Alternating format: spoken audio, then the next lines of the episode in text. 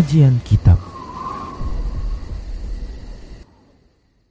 السلام ونعوذ بالله ومن يضلل أشهد لا إله إلا الله وأ- وقال الله سبحانه وتعالى يا أيها الذين آمنوا اتقوا الله حق تقاته أنتم مسلمون وقال عز من قال يا وقولوا قولا سديدا يصلح لكم أعمالكم ويغفر لكم ذنوبكم ومن يطع الله ورسوله فقد فاز يا أيها الناس اتقوا ربكم الذي خلق منهما رجال واتقوا الله الذي والأرحام إن الله أما بعد إن استقر خير الهدي وشر محدثة بدعة وكل kaum muslimin alhamdulillah Allah kelapangan waktu untuk para pemirsa sekalian untuk pagi hari per- yang lalu kita telah bahas terkait dengan syafaat. Siapa saja dan perkara-perkara. Eh, untuk pagi hari ini seperti yang kita katakan tadi kita akan bahas masalah perhitungan perhitung balasan atau hisab di mana tentunya di hari kiamat nanti adalah hari yang disebutkan bahwasanya ad-dunya darul amal wal akhiratu darul jaza.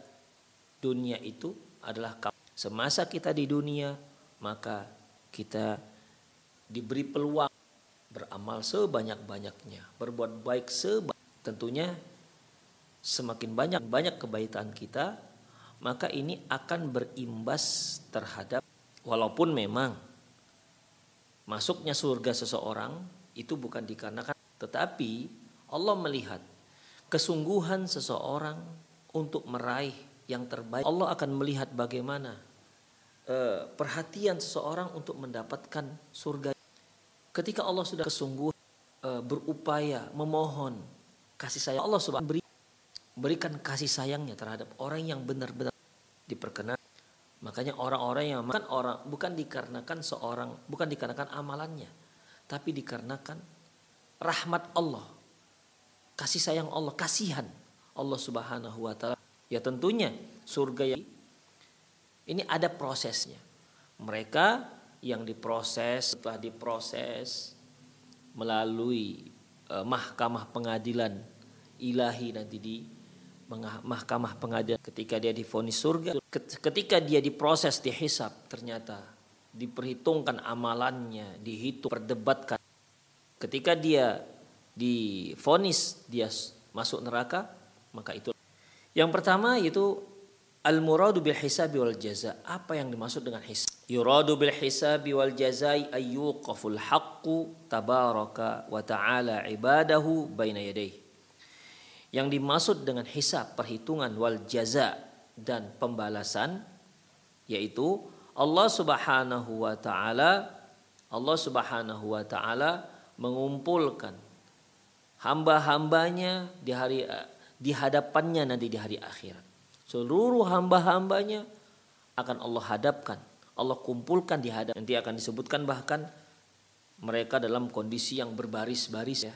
Satu persatu akan dihisap oleh Allah Subhanahu. Itulah waktunya. Waktu hisab dan jaza di mana Allah Subhanahu wa taala mengumpulkan seluruh makhluk seluruh hambanya dan dihadapkan kepada Allah. Wa yu'arrifuhum bi allati amaluha amiluha.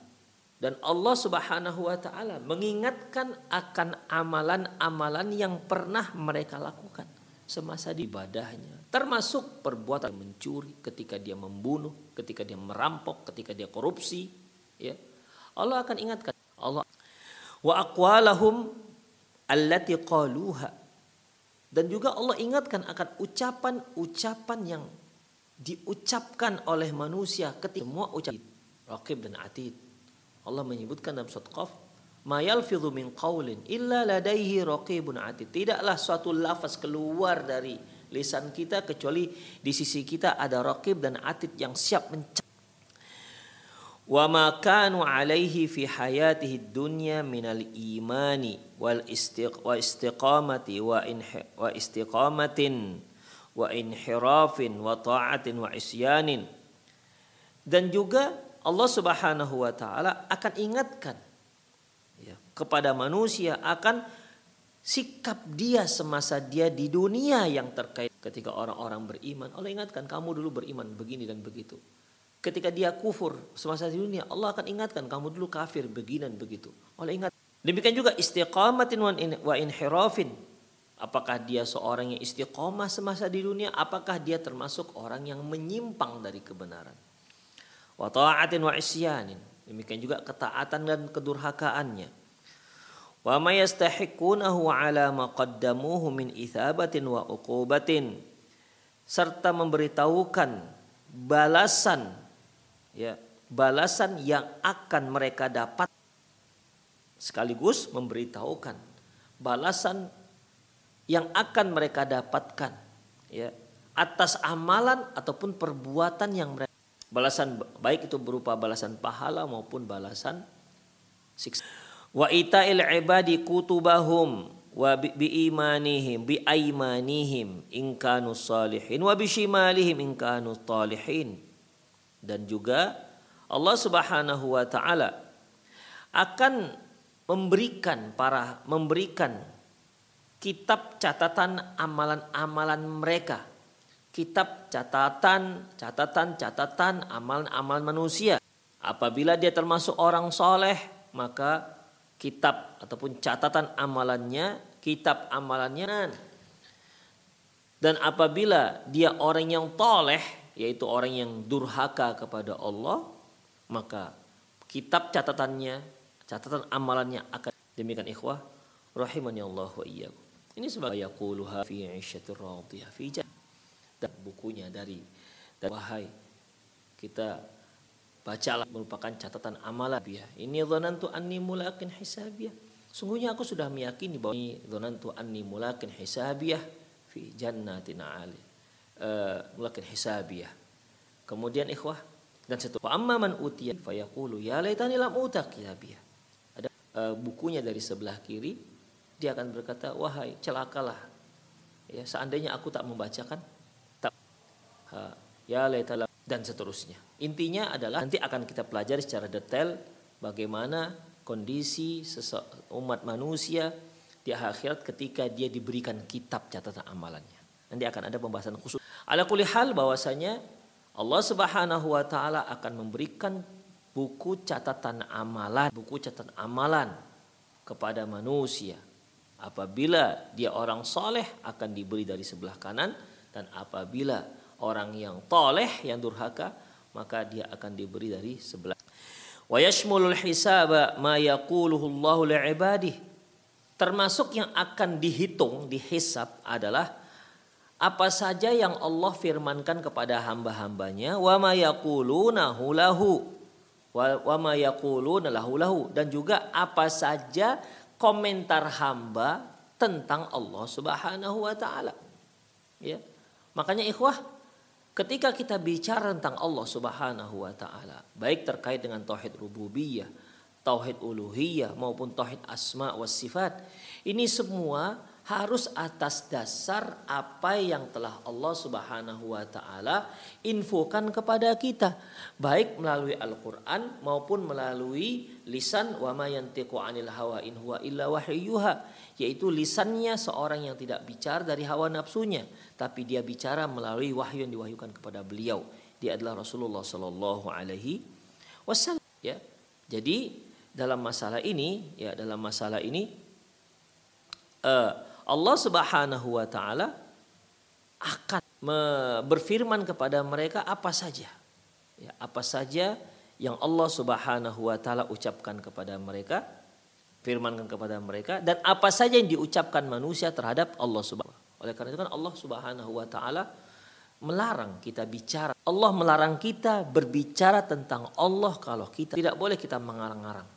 Semua yang terkait dengan Allah tidak boleh kita karang-karang harus ada dasar yang jelas. Makanya Allah Subhanahu wa taala sebutkan dalam surat Al-Baqarah ayat 168 dan 169 Allah mengatakan ya ayyuhan nas wahai manusia kulum uh, makanlah kulu mimma fil ardi halalan thayyiba makanlah apa yang ada di muka bumi yang halal dan yang baik ya makanlah apa saja yang ada di muka bumi yang halal dan yang baik wala tattabi'u khutuwati syaitan jangan kalian ikuti langkah-langkah setan.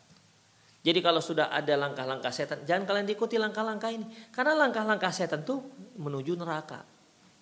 Ya. Ikutilah langkah-langkah Allah Subhanahu. Ikutilah langkah-langkah jejak para nabi jejak sahabat, ikuti langkah-langkah mereka, ikuti jejak-jejak mereka. Jangan ikuti jejak-jejaknya syaitan. Wala tattabi'u khutuwatis syaitan, jangan kalian ikuti langkah-langkah syaitan. Inna syaitan lakum aduwwum mubin. Karena setan itu musuh kalian. Jadi kalau kalian mengikuti langkah dan jejak setan, berarti kalian masuk perangkapnya setan. Demikian ikhwah. Allah sudah sebutkan pada kita Innahu lakum aduwwum mubin. Sungguhnya dia itu merupakan musuh yang nyata bagi kalian. Inilah di antara apa yang Allah ucapkan kepada manusia. Di antara apa yang Allah informasikan kepada manusia. Hei manusia, aku sudah katakan kepada kalian bahwasanya jangan kalian ikuti langkah-langkah setan. Demikian, makanlah. Silahkan kalian makan yang ada di muka bumi ini. Yang halal dan yang baik. Itu dia. Halal dan baik. Yang halal dan yang baik itu banyak. Ya. Yang haram justru sedikit. Jadi kalau ada yang mengatakan bahwasanya cari yang haram aja susah, apalagi yang halal, ini merupakan ucapan syaitania. Ini wahyu dari setan yang seperti ini. Seolah yang halal itu sedikit, susah untuk mendapatkannya. Ini sangat keliru. Yang yang mudah dan yang banyak itu yang halal malahan, bukan yang haram. Makanya kan dalam kaidah fikih, ya, dalam kaidah syariat kita bahwasanya tidak boleh kita menghalalkan, mengharamkan sesuatu kecuali ada dalil. Adapun yang halal, selama nggak ada dalil yang mengharamkan, maka dia halal. Maka kulu min tayyibatin wa min kulu min fil ardi halalan tayyiba, makalah dari yang di muka bumi ini yang halal dan yang baik. Wala tatadibu syaitan. Jangan kalian ikuti wala tatabi'u khutuwati syaitan, jangan kalian ikuti langkah-langkah syaitan. Allah katakan, ini Allah sudah beritahu kepada kita. Innahu lakum aduwwum mubin, sesungguhnya itu syaitan merupakan musuh kalian nyata. Itulah yang Allah Subhanahu wa taala ungkapkan kepada kita. Ini yang termasuk dalam yaitu yashmulu hisaba ma yaquluhu Allah li'ibadihi yaitu termasuk yang dihisab adalah apa yang Allah telah firmankan kepada pada manusia. Wa ma yaq wa, ma yaquluna lahu dan apa saja wa ma yaqulunahu lahu dan apa saja yang hamba-hamba ucapkan tentang Allah. Allah katakan ayat berikutnya, "Innama ya'murukum bis innama ya'murukum bis-su'i wal fahsya." Wa antaqulu 'ala Allahi ma la tafa. Wa antaqulu 'ala Allahi ma la ta'lamun. Sesungguhnya tuh syaitan. Syaitan ini senantiasa menyuruh kalian untuk berbuat keji, untuk berbuat buruk dan berbuat keji. Dan agar kalian berbicara tentang Allah yang kalian tak punya ilmu. Demikian ikhwah. Makanya para ulama kita mengatakan bahwasanya berbicara tentang Allah dengan tanpa ilmu dan ini merupakan hasungan goda. Sehingga kalau ada orang-orang yang berbicara tentang Allah kemudian sedikit pun tidak ada dalil hanya berdasarkan katanya-katanya maka dia telah jatuh pada dosa. Demikian ikhwah azanallahu wa iyyakum. Baik. Wa ma yuqimuhu alaih min hujajin wa barahinin. Demikian juga Allah uh, hisab ya. Hisab ini mencakup juga mencakup hujah-hujah yang telah Allah jelaskan kepada manusia, keterangan-keterangan yang telah Allah paparkan kepada manusia. Demikian. Wa syahadatus syuhud wa waznul amal. Demikian juga Allah akan datangkan saksi-saksi. Ya. Allah akan datangkan saksi-saksi. Demikian juga Allah akan timbang amalan. Sebenarnya kalau Allah Subhanahu wa taala masukkan saja manusia ke dalam neraka dan masuk surga tanpa ada hisab, tanpa ada timbang-timbang, tanpa ada saksi, tidak akan ada seorang pun yang yang akan memprotes. Kalau kita kata kalau kalau Allah katakan, kamu neraka, kamu neraka, kamu surga. nggak ada masalah sebenarnya bagi Allah Subhanahu wa taala. Enggak akan ada yang berani proses berprotes. Demikian. Ketika Allah katakan kamu masuk neraka, ya sudah selesai.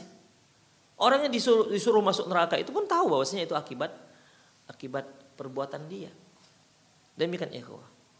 Jadi apa fungsinya? Para ulama kita mengatakan Allah datangkan saksi-saksi, Allah tegakkan, Allah pancangkan yang namanya timbangan amalan agar apa ikhwah?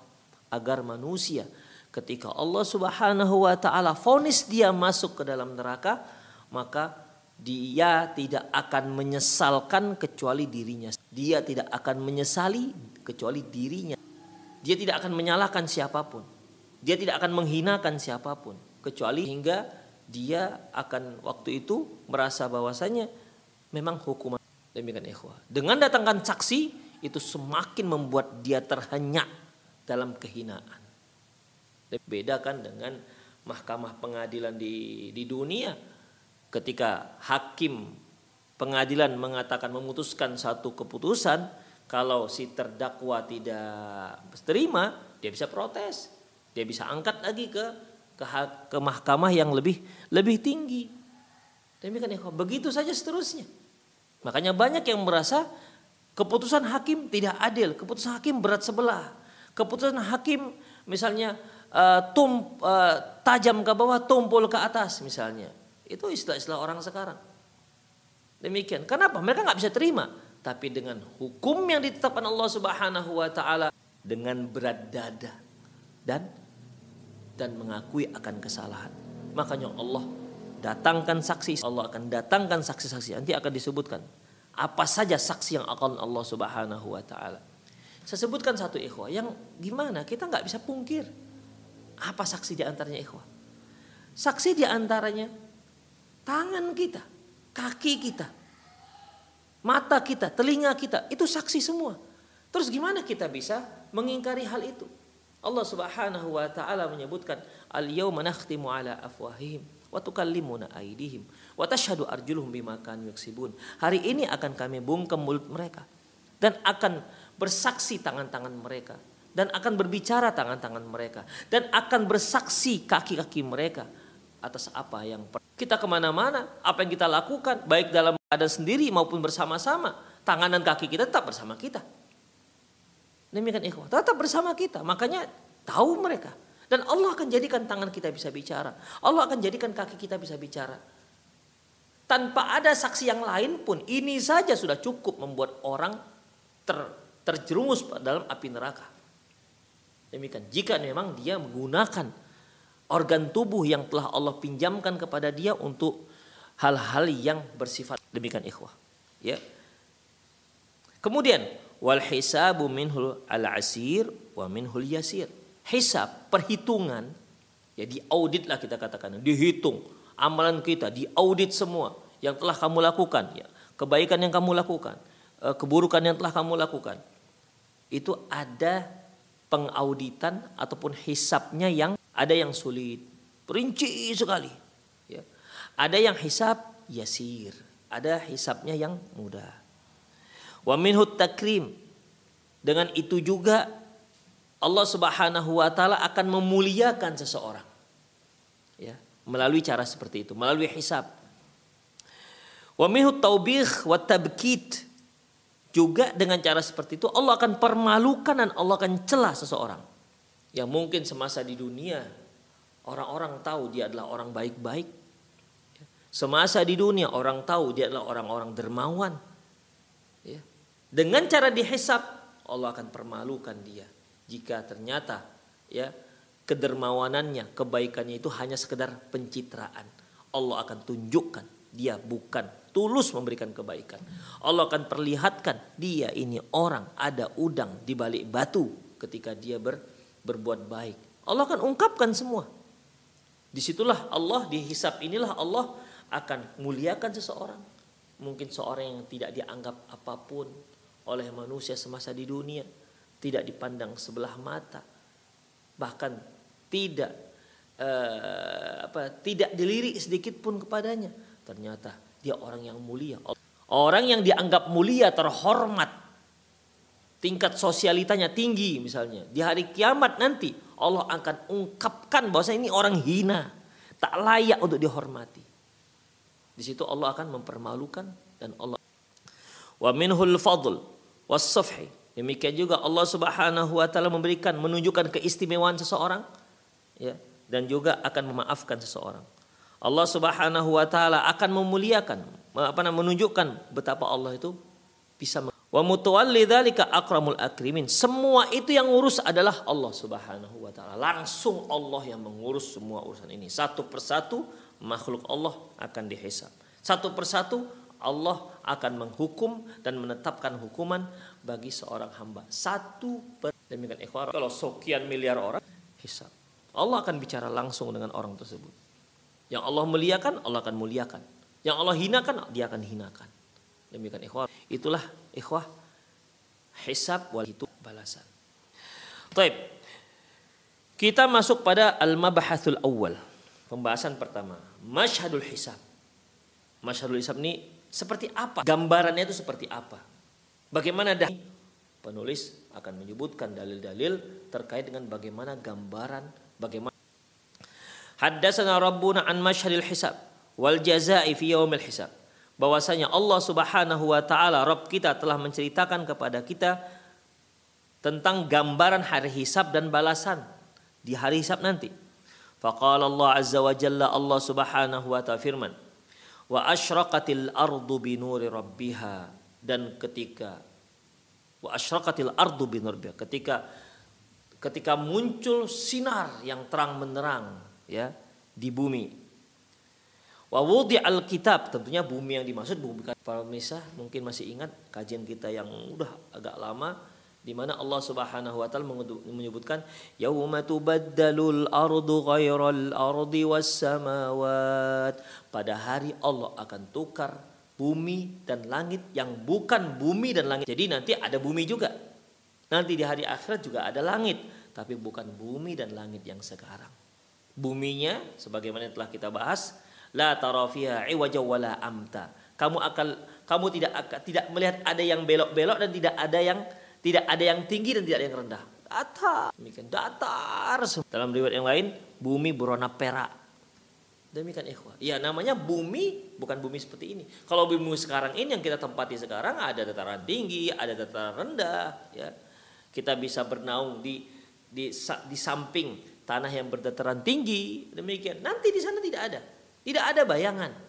Kenapa? Karena tidak ada bumi itu yang rendah dan yang tidak ada yang rendah dan tidak ada. Nah, di bumi seperti itu wa asyraqatil ardu binuri rabbiha. Muncullah cahaya yang terang di bumi hari kiamat nanti.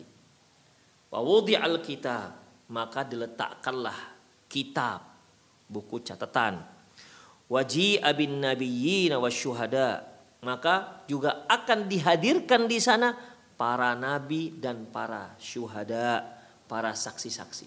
Jadi para nabi juga nanti akan ikut menjadi menjadi saksi. Wa qudiya bainahum bil haq dan Allah putuskan urusan mereka dengan keadilan. Wahum la yudlamun tidak ada seorang pun yang ter... begitulah kondisi ikhwah. Jadi e, kalau dibayangkan di sini datang Allah muncullah cahaya terang benderang. Bagaimana terangnya? Allahu alam. Yang jelas wa asyraqatil ardu. Maka muncullah cahaya terang menerangi bumi.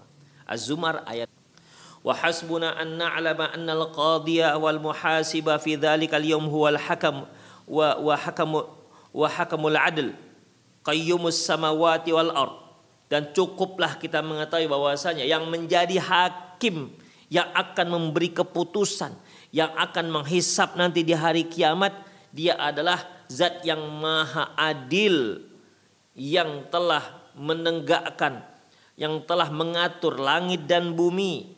Liyubayyina lana 'azmu hadzal mashhad wa jalaluhu wa mahabatuhu. Untuk menjelaskan kepada kita betapa hari itu hari yang sangat dahsyat hari yang sangat luar biasa pada waktu itu Wala'alla hadzal isyraqul mansus. Mansu alai fil ayah. Sepertinya inilah sepertinya inilah yang dimaksud dengan isyraq dengan yang dimaksud dengan munculnya cahaya terang menerang di muka bumi yaitu untuk menggelar pengadilan agak untuk menggelar pengadilan Allah Allah Subhanahu wa taala datang kemudian uh, muncullah sinar ya yang menandakan Allah Subhanahu wa taala akan uh, yang menandakan Allah Subhanahu wa taala datang, ngapain Allah? Untuk menggelar mahkamah Allah, sidang, persidangan Allah Subhanahu wa taala. Allah yang langsung menjadi pemutus hukuman. Allah yang langsung menjadi hakim. Inna ma yakunu inda maji'il malik. Inda maji'il malaku al-jalilu li fasl qada. Yang demikian itu ketika datangnya para malaikat yang mulia untuk menggelar pengadilan, untuk me memutuskan hukuman. Allah Subhanahu wa taala firman dalam surah Al-Baqarah ayat 210, Hal yanzuruna il, hal yanzuruna illa ayyatiyahumullahu fi dhulalin minal ghamam wal malaikatu wa qudiyal amr. Apa hal yang zurun? Mereka akan menunggu-nunggu. Seluruh umat manusia akan menunggu-nunggu kedatangan Allah Subhanahu wa taala untuk agar digelar pengadilan. Agar diputuskan semua illa ayyatiyahumullahu fi dhulalin minal ghamam. Yang mereka tunggu apa? mereka tidak menunggu. Manusia tidak menunggu apa pun kecuali yang mereka tunggu adalah kedatangan Allah Subhanahu wa taala dan malaikat di bawah naungan Allah. Wa qudiyal amr. Kemudian ditetapkanlah keputusan.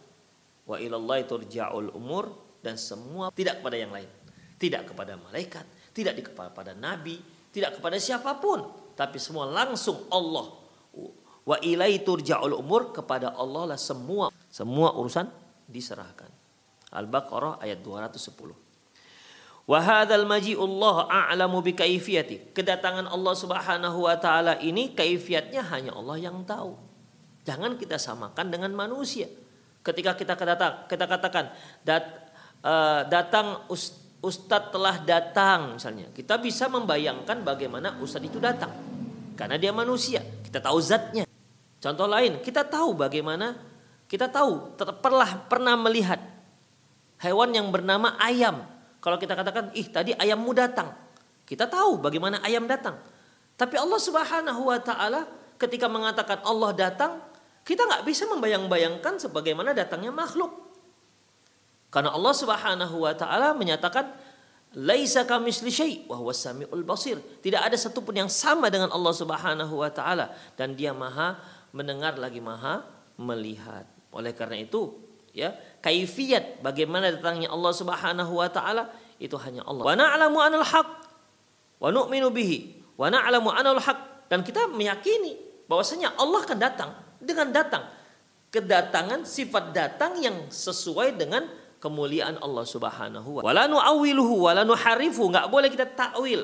Allah datang, oh maksudnya bukan Allah yang datang, tapi yang datang adalah rahmat. Di bahasa Arab mana datang diartikan rahmat?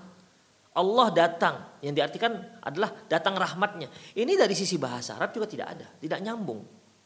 Demikian. Dan tidak boleh kita kita takwil-takwil ke yang lain. Demikian ikhwah, rahimanallah wa iyyakum. Jadi dalam masalah ini ya, la nu'awwil wa la harifu. Tidak boleh kita takwil-takwil kepada yang lain dan tidak boleh kita ubah-ubah maknanya. Artinya takwil tidak boleh mentakwil ke arti yang tidak ada dalam bahasa demikian keterjemahan, ketafsir yang tidak ada dasarnya. Ketika Allah Subhanahu wa taala mengatakan Allah itu datang. Ya. Hal yang zuruna illa ayyatiyahumullah fi minal fi minal, wal malaikat wa qudiyal amr. Di sini Allah katakan Allah dan malaikat datang. Gimana datangnya? Enggak ada disebutkan bagaimana datangnya. Jadi kalau begitu kita artikan datang ini artinya bukan datang, tapi artinya adalah datang rahmat, bukan Allah yang datang. Nah, ini kan artinya pentakwilan ataupun pengtahrifan daripada makna dari eh, yang disebutkan Allah Subhanahu wa taala dalam wala nukadzibu bihi enggak boleh kita dustai karena ayatnya benar ayatnya jelas wal ayatu tanussu ala maji'il malaika. Ayat menunjukkan bagaimana datangnya malaikat. Fahuwa mauqiful jalil. Tahduruhu mala malaikatur rahman. Bikutubil a'malil lati ahsad 'alal khalqi a'malahum wa tasarrufatihim wa aqwalihim. Dan pada mauqif ini da, pada uh, apa namanya kesempatan tersebut yang pada uh, di tempat yang sangat dahsyat tersebut maka akan hadirlah malaikat Allah Subhanahu wa taala dengan membawa dengan membawa Eh, buku-buku catatan-catatan amalan. Di mana di sanalah tertulis semua amalan, tindakan dan perkataan. Demikian ketika dia mencuri tertulis pada tanggal sekian, jam sekian, detik sekian dia mencuri yang dicurinya ini di tempatnya ini dan seterusnya. Itu cerah diceritakan. Kemudian liyakuna hujjatan 'alal ibad agar ini semua menjadi hujah. Bukti bahwasanya kamu itu sudah berbuat dosa. Ini buktinya. Ini buku catatannya. Demikian. Wahwa kitabun la yughadiru saghiratan wala kabiratan illa ahsaha. Ini adalah buku yang tidak meninggalkan apa pun. Semua besar sebesar-besarnya. Yang amalan yang sekecil-kecilnya. Yang baik dan yang buruk. Illa ahsoha. Kecuali akan ditulis dan tercantum dalam kitab Ya terkadang kita sudah lupa dengan perbuatan. Mungkin kita pernah menzolimi orang.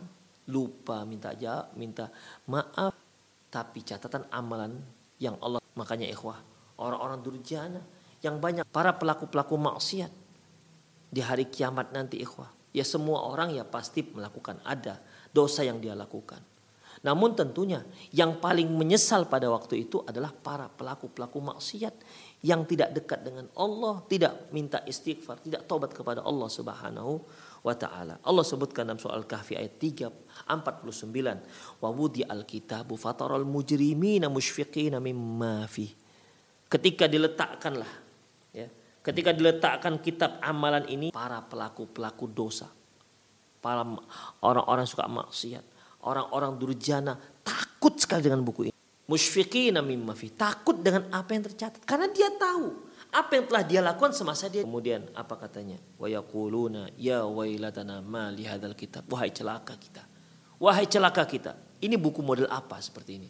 Mengapa ikhwah la yughadiru saghiratan wala kabiratan illa ahsaha ini buku mencatat semuanya tak ada yang tertinggal yang besar kecil semua tersekecil-kecilnya tetap dicatat Demikian ikhwan. Makanya kan Allah katakan, "Faman ya'mal mithqala dzarratin khairan yarah, wa may ya'mal mithqala dzarratin syarran yarah." Mereka yang beramal kebaikan walaupun hanya sebesar biji zarah, walaupun hanya sebesar semut yang paling kecil, dia akan lihat.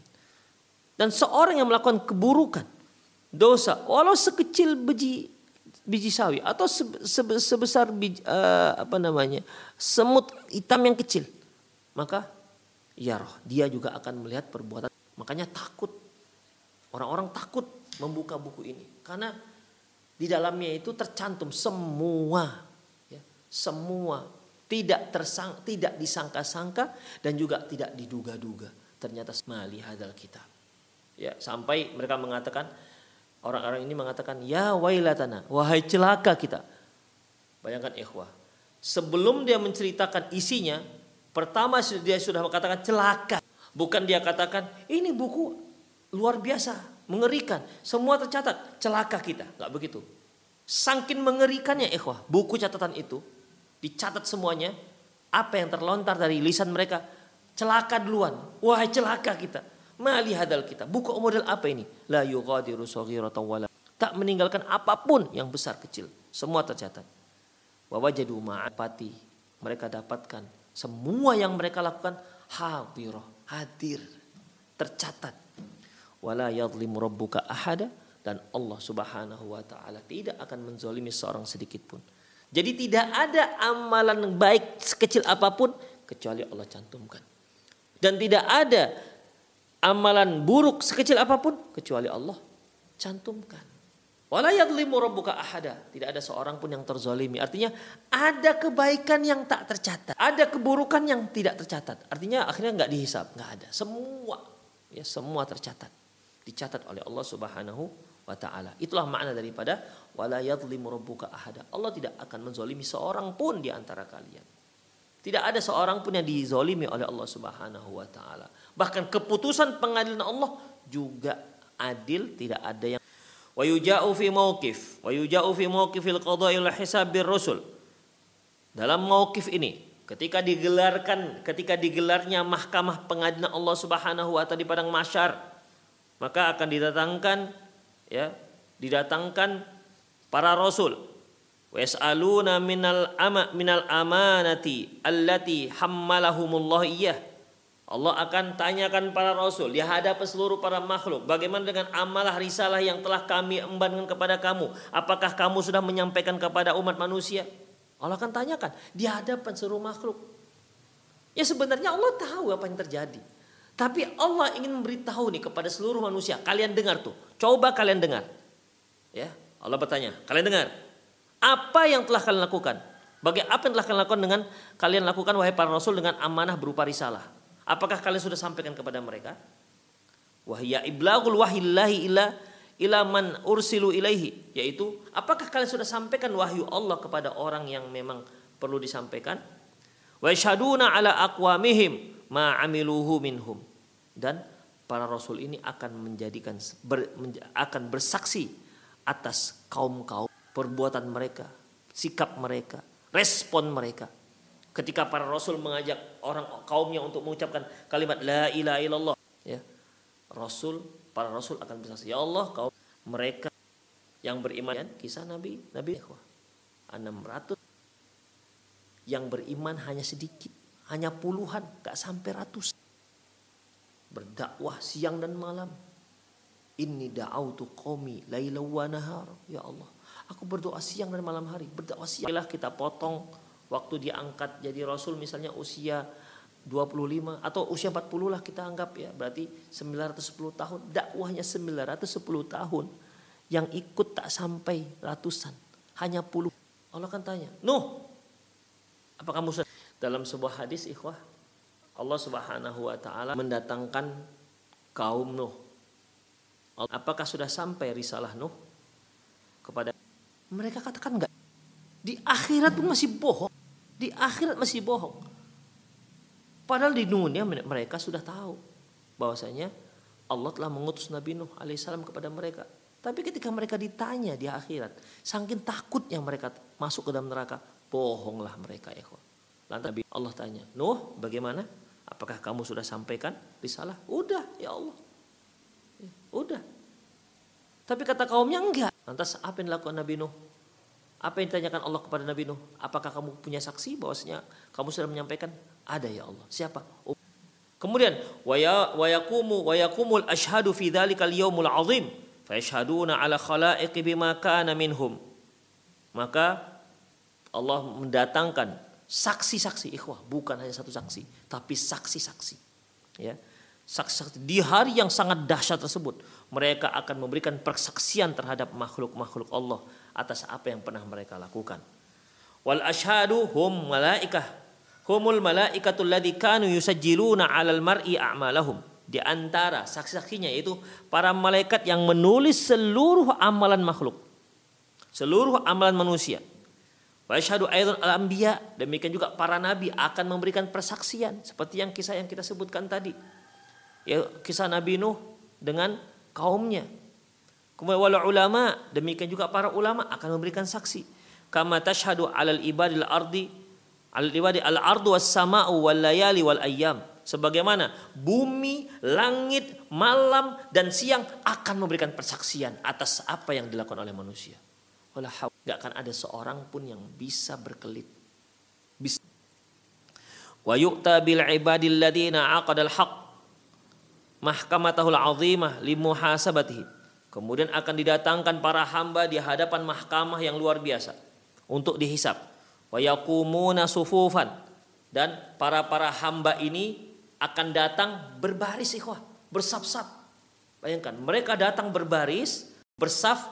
Kalau saf itu kan berarti baris ke samping ya ikhwah ya. Barisnya ke samping. Kalau saf, sufufan berarti berbaris samping, bukan ke belakang lil ardi ala rabbi rabbil ibad untuk dihadapan kepada Allah Subhanahu wa taala. Allah berfirman dalam soal Kahfi ayat 38, wa uridu ala rabbika saffa dan uridu ala rabbika saffa. Mereka akan dihadapkan di hadapan Allah ya, bersaf, bersaf-saf.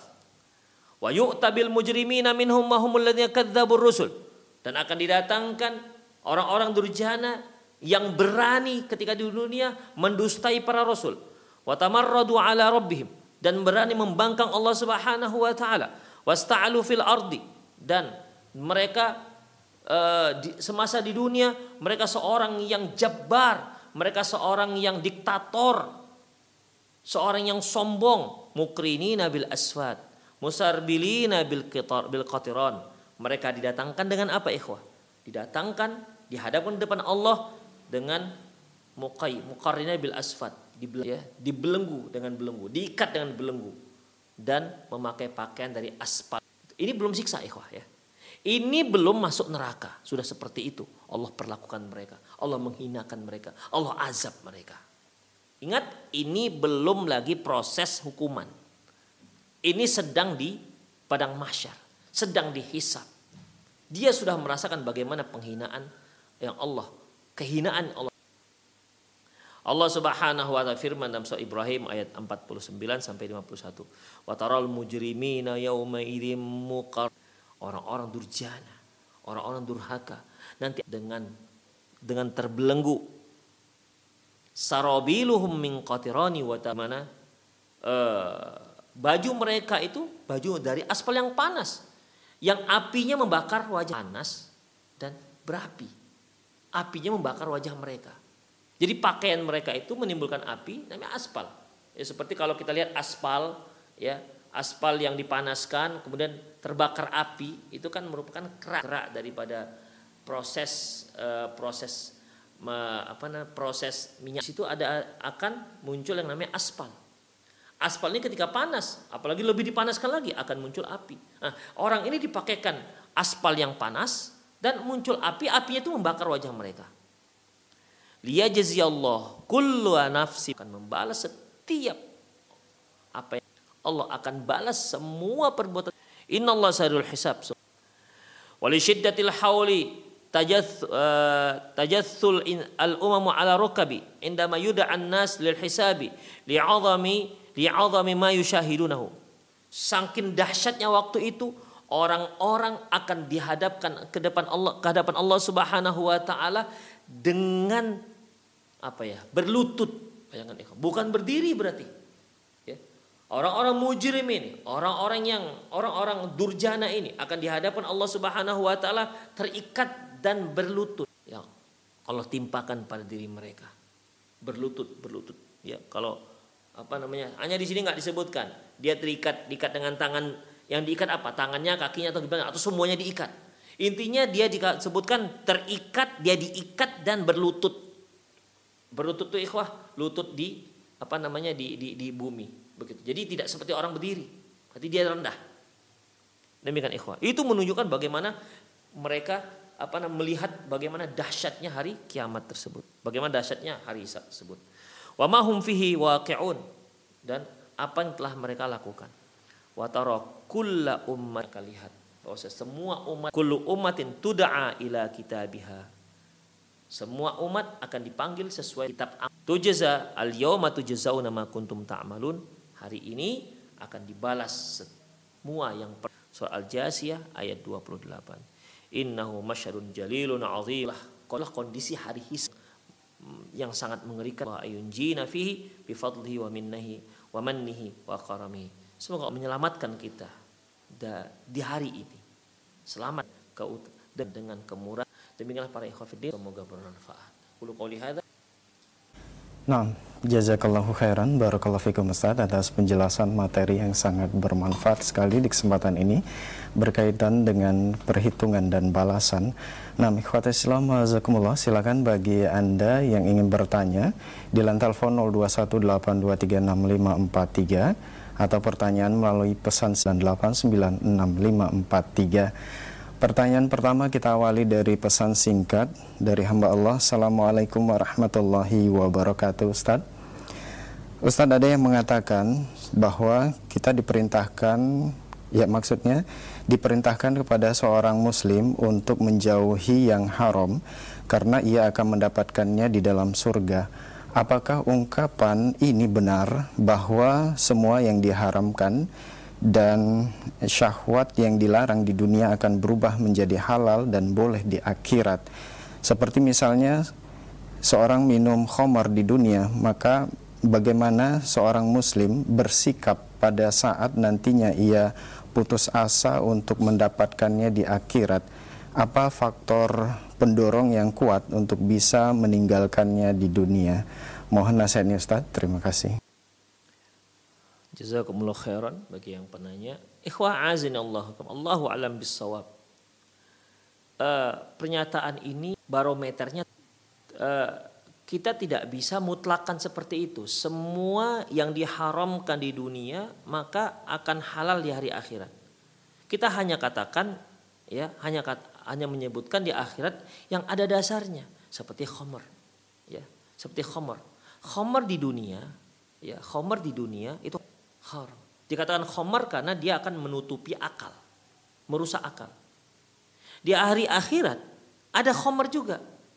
Tapi ingat, la yusaddauna anha. La yusaddauna anha kalian nggak akan pusing dengan meminum khomer ini. Ya, pada hakikatnya sama-sama khomer. Tak, apa lafaznya sama-sama khomer, tapi tidak sama seperti khomer di dunia. Demikian ikhwah. Namanya sih sama-sama khomer. Ya. Sebagaimana Allah Subhanahu wa taala sebutkan adanya uh, adanya sungai khomer kan di surga. Ya. Fiha anharun. Fiha anhar apa namanya? Khamr laddat lisyaribin khamrun ladzat lisyaribin yaitu ada sungai khamr yang sangat lezat untuk di diminum. Dalam soal wakil disebutkan la yusaddauna anha wa la yunzafun. Tidak akan buat pusing dan juga tidak akan buat mabuk. Demikian ikhwah. Sama-sama khamr. Jadi itu yang disebutkan. Itu yang disebutkan. Demikian juga ketika Allah Rasulullah mengatakan Eh, la yashrabanna ahadukum bi'aniyati bi'aniyati dhahabi wal fiddah wala ta'kulu fi sihafihima. Janganlah salah seorang kalian makan dengan bejana yang terbuat dari emas dan perak dan janganlah kalian minum dengan emas dengan bejana yang terbuat dari emas dan perak dan juga jangan makan dengan menggunakan itu. Artinya janganlah kalian makan dan minum dengan menggunakan uh, bejana dari emas.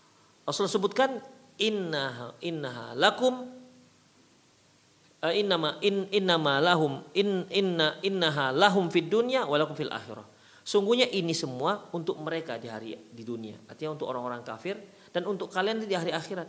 Jadi yang tadinya kita tak boleh uh, menggunakan bejana emas dan perak nanti di hari akhirat boleh. Laki-laki yang tadinya tak boleh pakai emas di dunia nanti di akhirat boleh. Itu ikhwah. Yang ada dalilnya.